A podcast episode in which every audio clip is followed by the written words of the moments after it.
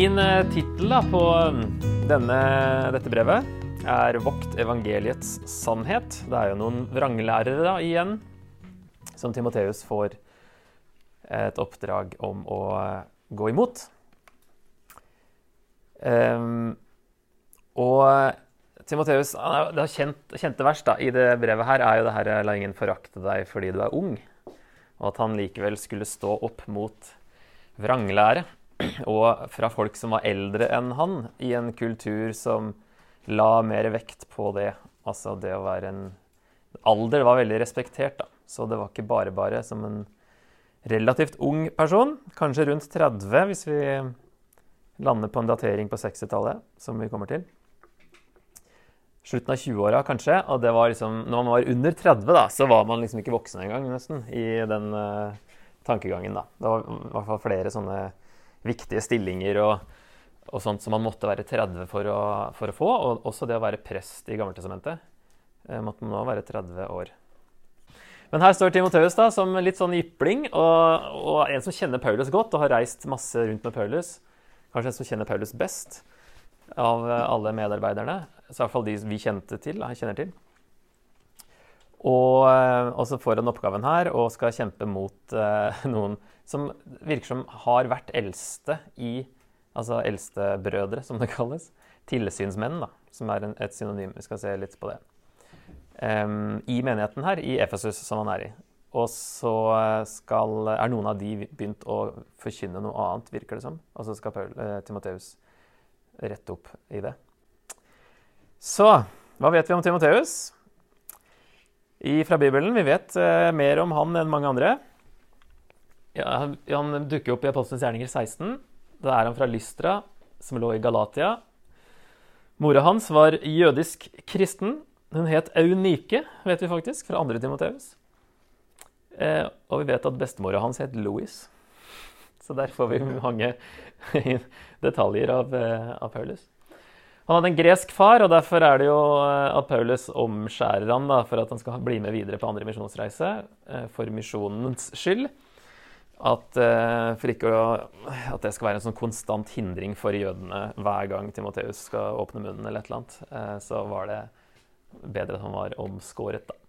Hadde et godt vitnesbyrd. Han var en Regner med at han var liksom en 16, eller jeg vet ikke, kanskje ca. 16 år, eller noe der, 16-17, da Paulus møter han. Uh, og så er han med på hele den tredje reisen også. Altså Han blir med på den andre misjonsreisen etter at Paulus kommer til Galatia, Lystra. Og så er han med på resten av den andre og hele tredje. Han står som medforfatter for eh, første og andre Tessaloniker, andre Korinter, filipperne, kolosserne og Filemon. Så han er med Paulus og skriver mange brev. Og han ble sendt til Tessalonika og til Korint og til selveste Korint for å ordne opp eh, i problemer der. Det er jo ikke bare bare. Og ofte så har Timoteus, litt ut fra andre Timoteus kanskje, og situasjonen som pågår akkurat da, så har han fått et rykte for å være litt sånn forsiktig og, og litt sånn eh, lettskremt. I hvert fall en forsiktig fyr. Men jeg vet ikke om han var så forsiktig når Paulus sender han til Korint for å ordne opp. Eh, og, det, og, det, er kanskje akkurat situasjonen i andre Timoteus som eh, i forlengelse av første Timoteus, da, da har det gått litt inn på han, virker det som. Og at han der eh, eh, trenger litt mer oppmuntring, da. Så det er ikke sikkert at det er generelt for Timoteus som person.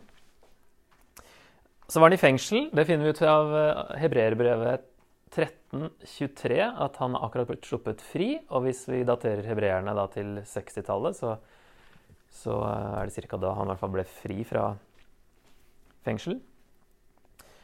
Og han ble da her Paulus sier her i brevet her at han har satt igjen Timoteus i Efesus. Ofte dateres det til 63-64, og at brevet ja, skrevet kort tid etter han har satt igjen Timoteus der, da, skrevet på det tidspunktet der, som da blir etter apostelens gjerning tidslinja slutter. Altså Paulus da kanskje dro på en liten runde til, der han bl.a. satte igjen Timoteus i Efesus og satte igjen Titus på Kreta. og til slutt komme seg til Roma, ifølge andre kilder. Eh, Roma, sier jeg. Spania, ifølge andre kilder. Men, eh, men eh, ja Slapp løs fra Roma, og så ender han jo opp igjen i Roma til slutt i andre Altså, han dør jo i den forfølgelsen under Nero på 60-tallet i Roma. Eh, ok, litt mer. Vi vet at han da var relativt ung. Når det står her òg altså Dette er jo lenge etter at han møtte eh, Paulus, og kalles fortsatt for ung. Ikke sant? La ingen forakte deg fordi du er ung. Eh, og Hvis det her er skrevet 63-64, så er det jo 13-14 år siden de møttes. Og hvis han da Dette ordet som brukes som ung her, ble ofte brukt da, om de under 30. Så hvis vi sier at han er, eh, hvis han var 16 år da, i Apostelens gjerninger 16, så kan han være ca. 30 her, eller 29 eller noe sånt. At han fortsatt eh, kan kalles ung. Og så var han ofte syk, sier Paulus. At han skal bruke litt eh, vin for magen, siden han er så ofte syk. Så det hørtes ikke sånn veldig trivelig ut. Jeg vet ikke om det var sånn eh, kronisk, eller om det var en periode her, da. Men uh, var ikke helt i form alltid. um, og så sier Paulus også i 2. Timoteus 3 at uh, Timoteus har fulgt Paulus i lære og liv, i holdning, tro, tålmod, kjærlighet, utholdenhet, forfølgelser og lidelser. Har fulgt Paulus gjennom mye, står Paulus veldig nær. Og uh, for oss å vite der i 2. Timoteus 3 at han har blitt opplært i Gammeltestamentet fra barndommen av, ettersom han hadde troende jødiske i hvert fall mor og bestemor. da. Så han hadde god greie på GT, men det er ikke så uvanlig når man i hvert fall har en fot inn i jødedommen. Så hadde i hvert fall mora tatt et eh, ansvar der, da. Så det var en litt sånn, rask eh, sånn punktvis oppsummering av Timoteus. Eh, det er viktig, tror jeg, for akkurat det brevet her å se på hvorfor da Timoteus er i Efesus. Um, først er det jo den hilsen, åpningen da, i vers um, 1 og 2. Litt annerledes den òg enn eh, vanlig. Altså den der hilsenen nåde, barmhjertighet og fred fra Gud. Det er plutselig litt annerledes den, den linja der. Vår Far og Kristus Jesus, vår Herre. Litt annerledes. Så Paulus, Kristi Jesu apostel, etter befaling fra Gud, vår frelser, og fra Kristus Jesus, vårt håp, hilser Timoteus, mitt ektefødte barn i troen. Det er så rart å bruke 'ektefødt' når det er i troen. det, er liksom, det, er, okay, det er ikke biologisk, men det er ektefødt likevel. Altså Timoteus har kommet til tro gjennom Paulus. Da har han ikke den typiske åpningen med takkebønn og smisk, si, for å kalle det det. Altså det er for man skulle få godvilje for uh, lytterne. Her kjenner han personen veldig godt og, og, går rett på sak. ikke sant? Da jeg dro til Makedonia, ba jeg deg bli igjen i Efesos, så du kunne forby enkelte å komme med en annen lære, eller være opptatt av myter og endeløse slektstavler. For slikt fører bare til spekulasjoner og tjener ikke Guds frelsesplan, der det dreier seg om tro. Men målet for ditt oppdrag er kjærlighet av et rent hjerte, av en god samvittighet og av en oppriktig tro. Noen har forvillet seg bort fra dette og har havnet i tomt snakk. De vil være lovlærere, men forstår verken det de selv sier, eller det de uttaler seg så selvsikkert om. Så vi er altså tilbake i Efesus. Paulus eh, satte Timoteus igjen der med en hensikt. Og hvis vi ser på vers 3-5, hva er Timoteus sitt oppdrag i Efesus? Så du kunne forby enkelte å komme med en annen lære. Det er konkret et oppdrag. Yes, det henger sammen her med, med et eller annet uh, denne læren. Myter og endeløse slektstavler. ja, og så sier han dette med at målet er kjærlighet. Som en kontrast da, til det her spekulasjoner og det som ikke tjener Guds frelsesplan, der det dreier seg om tro. Det er det de holder på med, de her uh, falske lærerne. Men målet for ditt oppdrag er kjærlighet. Og så sier han da av et rent hjerte. Kjærlighet av en god samvittighet. Og av en oppriktig tro. Men kanskje veldig mest konkret her, da. Det er i hvert fall vranglære som han er satt igjen for. Titus får et litt annet oppdrag. I tillegg til å kjempe mot eh, noen ranglærere der, så skal han eh, utnevne eldste. Um, Timoteus må erstatte noen eldste, virker det som. De som uh, har begynt å forkynne noe annet. Men det er egentlig ikke, altså hovedoppdraget til Timoteus er å forby denne her vranglæren, som har noe med myter og endeløse slektstavler å gjøre. Og at kontrasten til alt det her er kjærlighet på en eller annen måte. Det er noe det svaret på veldig mye da, i kristen tro. Um. Men vi har i hvert fall en opp, liten oppdragsbeskrivelse her. Jeg har prøvd å lage en liste, da. Uh, oppsummere uh, det jeg fant. Ja, vrang, altså ting som uh, vi finner i brevet her, som har med vranglære å gjøre. Altså Selve ordet nevnes 16 ganger. da, Lære. Ordet 'lære' det er virkelig i fokus. Og også i 2. Timoteus sju ganger der, så det er mye snakk om lære. Falsk og rett. Jeg må si, eh, vrang og sunn lære. Um, eventyr og endeløse slektstavler, ja, eller ettertavler, det så vi her. Myter og eventyr er litt annen oversettelse tror jeg har brukt her. Tomt snakk har han nevnt. Uh, at de vil være lovlærere. Kaller det for frafall og demoners lære.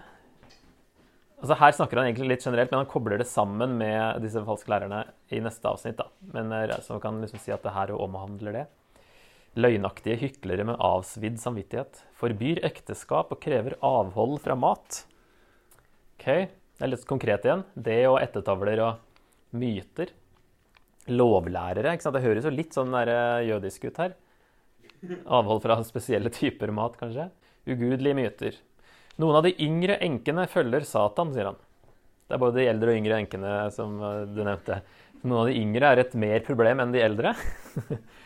noen, el noen, eldste anklages, ja. Noen eldste synder. Det er kanskje de som man skal uh, erstatte, da. Um, en annen lære og ikke Jesu Kristi sunne ord.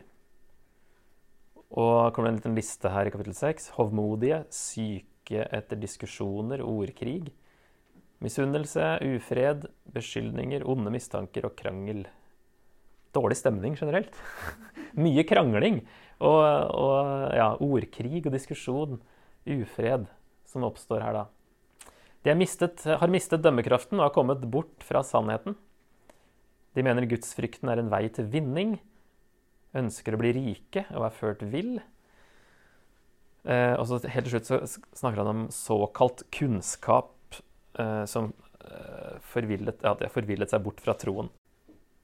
Det er jo mulig Altså, et, det er ikke alt som Kanskje når man leser det, at det er like klart at han snakker om vranglærerne hver gang, men uh, det virker som at det er relevant for Timoteus, det han skriver om alt Altså disse her, da. Så vi kan se på det når vi kommer underveis.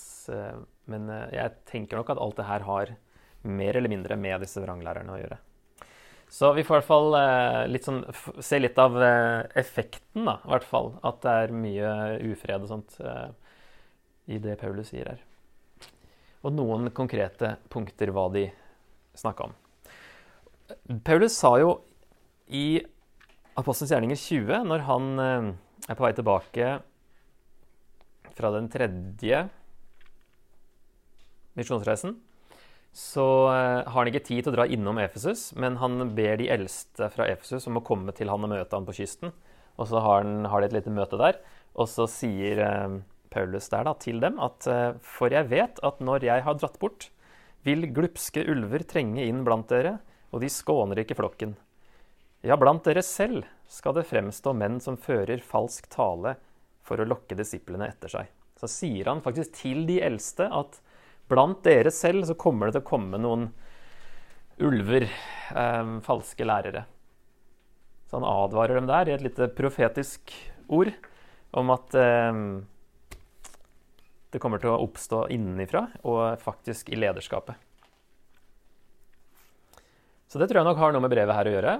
Altså Når jeg har dratt bort, kan det høres ut som han er død, men altså, han, fall, han vet her at det er siste gang han ser dem. Derfor er det litt sånn en tårevåt avskjed her. Men så det er jo det kan, vi kan tolke det også som at når han har dratt bort og ikke ser dem mer Han blir jo fengsla etter eh, dette her, da. Og så er han jo i fengsel stort sett til han um, til han setter igjen Timoteus i Efesus. Ok. Um, ganske greit kapittelinndeling med temaet at det passer. At kapittel 1 handler om oppdraget til Timoteus. Kapittel 2 om menighetens samlinger. Så kapittel 3 om tilsynsmenn og diakoner. Kapittel 4 kommer det mer om vranglæren. Kapittel 5 handler om enker og eldste. Og så tilbake til vranglære igjen i kapittel 6. Så vi kommer til å kan holde oss til den der, og så kan vi se litt um, Gå litt inn i si, Dele det opp litt sånn som dette. Uh, vi så jo at han tydelig snakker om Timoteus sitt oppdrag i vers 3-5. Og så kommer han tilbake til det i vers 18. Så han snakka om Vi leste litt av det 6-11 òg, av vranglærerne. At de vil være lovlærere. Eh, og så snakker han videre om loven. Vi kan lese det fra vers 8. Altså, I vers 7 sier han de, de, vil, de vil være lovlærere, men forstår verken det de selv sier, eller det de uttaler seg så selvsikkert om. Men vi vet at loven er god når vi bruker den rett, og forstår at loven ikke er bestemt for den rettferdige, men for lovbrytere og ulydige, ugudelige og syndere, spottere og gudsfornektere, og for dem som slår sin far og mor, for mordere, dem som driver hor, menn som ligger med menn, dem som driver med menneskehandel, løgnere og dem som sverger falskt, og alt annet som strider mot den sunne lære. Dette er i samsvar med evangeliet om herligheten hos Gud. Den salige, det evangeliet som er betrodd meg. Så her sier han at eh, disse vranglærerne bruker loven galt. De bruker den for de rettferdige, altså for de allerede troende. Men den er ment for de urettferdige, sier Paulus her. Loven er god når vi bruker den rett og forstår at den ikke er bestemt for den rettferdige, men for lovbrytere. Og så kommer denne lista. sant? Og så må loven altså brukes på en måte som samsvarer med evangeliet. Eh, det siste han sier i vers 8, 11. Eh, Loven, Vi har jo fortsatt Moseloven ikke sant, som en del av våre bibler, men den må brukes i samsvar med evangeliet nå når evangeliet har kommet. Si. Når Jesus har kommet, så endrer jo det lovens funksjon, ettersom Jesus oppfylte loven. Men den står der fortsatt som et uttrykk for Guds vilje, men den har ikke samme funksjon. Og her har de nå gått liksom litt tilbake til Det er litt sånn ja, judaizer, judaist-holdning med at Moseloven eh, blir viktig og legges til troen. da. Så det er jo samme som i Galatia, eh, der for øvrig Timoteus kom fra. Så den moralske standarden i evangeliet samsvarer med den moralske standarden i loven, men loven fordømmer, mens evangeliet rettferdiggjør, virker det som Paulus sier her, da. Det er i samsvar med evangeliet, men det er ikke for den rettferdige. Det som står i Moseloven, er ikke for oss kristne. Det gjelder ikke på samme måte. Så her er det et land som de har eh, hengt seg opp i loven. Um, bruker den feil, sier Paulus. Så det eh, sånn Paulus driver med sånn digresjoner underveis. Så nå har han snakka om, eh, om, oppdraget. Hvis vi går tilbake til den lista her. Oppdraget til Timoteus. Eh, og så snakker han litt om vranglærerne, som jo er jo derfor Timoteus er der. ikke sant? Det er det oppdraget hans går ut på. Og så kommer det en enda tydeligere digresjon fra vers 12. For han sier det i vers 11, 'det evangeliet som er betrodd meg'. Og så kommer den her eh, lite, liten avstikker om at, uh, hvor stor Guds nåde har vært mot Paulus, da, som har betrodd Paulus dette evangeliet. Um, og så kommer han tilbake igjen til oppdraget i vers 18, for da sier han rett og slett Timoteus, mitt barn, slik er oppdraget jeg nå overgir til deg, i samsvar med de profetiene som før er talt til deg. Ved dem skal du stride den gode strid, i tro og med god samvittighet. Noen har feid samvittigheten til side, og troen deres har forlist. Blant dem er Hymeneos og Aleksander, som jeg har overgitt til Satan, for at de skal bli irettesatt så de ikke spotter. Her nevner han to stykk, faktisk. Hymeneos og Aleksander. Som eh, Paulus på en eller annen måte har overgitt til Satan. Jeg vet ikke helt hva han mener med det. At han har gjort det sjøl, liksom. Men eh, ja. I hvert fall så er de eh, to av disse vrange lærerne, falske lærerne. Um, så jeg, jeg, tenker nok at hele første kapittelet med en liten digresjon her, handler egentlig om Timoteus sitt oppdrag. Noe som blir relevant for dette kvinnespørsmålet i kapittel 2. Så jeg føler det er viktig å ta det litt rolig nå, sånn at vi ser i hvert fall at han snakker i hvert fall om oppdraget da, tydelig både her i begynnelsen og i slutten av kapittel 1. Eh, og der får vi altså noen flere spor om disse eh, vranglærerne. To som nevnes ved navn, og de har feid samvittigheten til side. Troen deres har forlist, og de spotter. Og det syns jeg er ganske tydelig her, at det går an å forlise troen. Så den herre eh, 'en gang frelst, alltid frelst' eh, vet ikke helt hvordan man skal tolke disse versene her i så fall. Troen deres har forlist. De har hatt en tro som har gått under. Det er jo tydelig at det går an. Uh, I 2. Timoteus så nevner han Hymeneos en gang til, men der sammen med en som heter Filetos. Og de sier at oppstandelsen allerede har skjedd, sier han der. Så der får vi igjen der, konkret. Ok, de sier at oppstandelsen allerede har skjedd. Uh, og så nevner han også Alexander igjen, hvis det er samme Alexander. Regn med det. Kobbersmeden Alexander. Eller kanskje en annen som må defineres som kobbersmed. Pass deg for han du også, for han har gått hardt imot læren vår kan jo være samme. Ehm, så her kan man lure på om dette er en tidlig form for gnostisisme, som vi har vært så vidt innom før. I hvert fall i første korinterbrev. Var det òg kanskje en sånn eh, oppdeling av det fysiske og det åndelige. Og ehm, der man la vekt på spesiell kunnskap, som ordet gnosis da betyr. Og at de hadde en, eh, en annen tolkning av oppstandelsen. At det, når man kommer til tro, så, så, oppstår man på en åndelig måte. Og så fornekta de også i Korint, da mange av dem, at vi skulle stå opp fysisk en gang i framtida. At det var veldig vekt på det åndelige. da, og Alt det fysiske var uh, ondt. Så at Gud liksom ikke ville gi oss noe fysisk kropp lenger. Uh, og så at det kanskje var det som var det underliggende problemet til alt det andre i Korint. da, At de tenkte helt feil.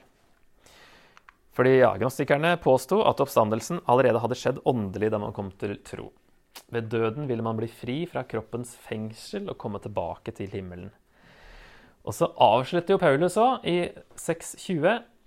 Så sier han, vend deg bort fra det ugudelige og tomme snakket og innvendingene fra eh, altså Bokstavelig så står det 'den pseudonyme gnosis'.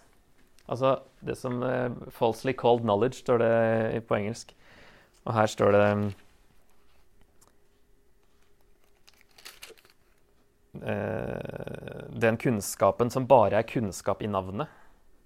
Det er jo det vanlige ordet for kunnskap, så spørsmålet er hvor mye vi skal lese inn i at ordet gnosis brukes, for det er jo før gnostisismen ble en stor greie. Men eh, det er liksom tidlige spor, da, også i noen av brevene her, på at de tenkte litt likt. Så det er ikke sikkert Paulus tenker på altså, trolig ikke gnostisisme som et konsept, for det har egentlig ikke blitt samla som et konsept eller en, en lære ennå. Men at det er eh, det ordet likevel, da, som man kaller for uh, falsk gnosis. Det er ikke e egentlig kunnskap. Og da er det i så fall gnostiske myter, kanskje, da, han snakker om.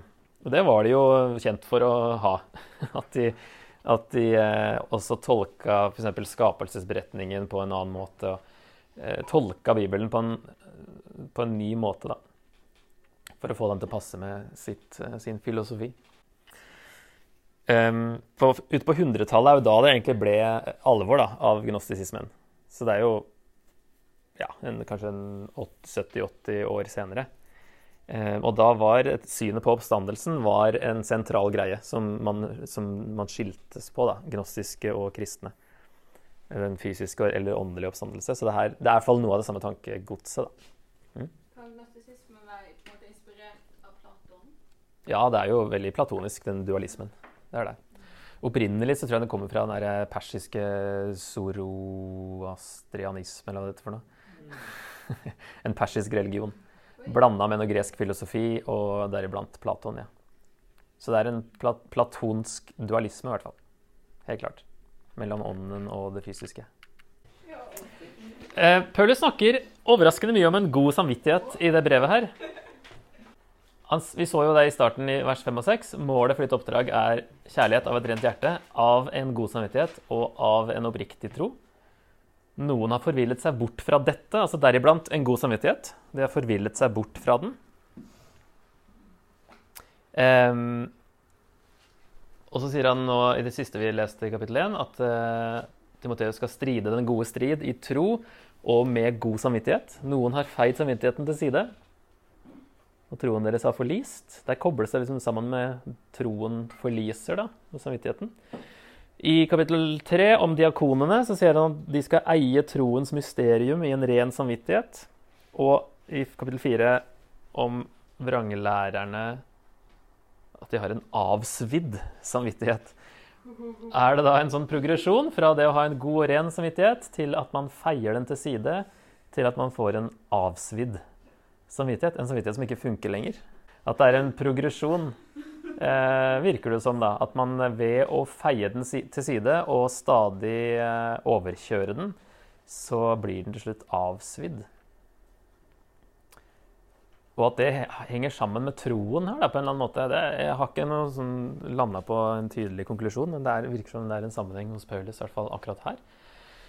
En sammenheng mellom samvittigheten og det å beholde troen. Og det er mulig, det her som vi leste i Romerne 1, det at man holder sannheten nede i urett, er jo, og kanskje har noe med det her å gjøre, at man ikke lytter til den indre stemmen si, og samvittigheten, men eh, velger holde sannheten nede der, da, i Romerne 1. Um, og alt det som det fører til at man da uh, Ja, dette frafallet som beskrives der, da, er jo er vekk fra troen. Samvittigheten er ikke alltid Guds stemme, men en god peker på hva som er rett og galt, fordi Gud har lagt dette ned i alle mennesker. Det sier jo Paulus òg i Romerne 2. Og det å da gå imot samvittigheten er jo egentlig å gå imot det som Gud har lagt ned i oss, som er rett og galt. Og at samvittigheten blir forskjellig hos forskjellige mennesker fordi eh, man eh, blant annet da, har eh, feid side eller har overkjørt den nok ganger til at det føles ikke galt lenger. Um, lytt til samvittigheten. Det er farlig å stadig overkjøre den. Det sa også Luther i sitt forsvar. Eh, samvittigheten min er bundet av Guds ord. Jeg kan ikke og vil ikke trekke noe tilbake, for det å gå imot samvittigheten er verken rett eller trygt.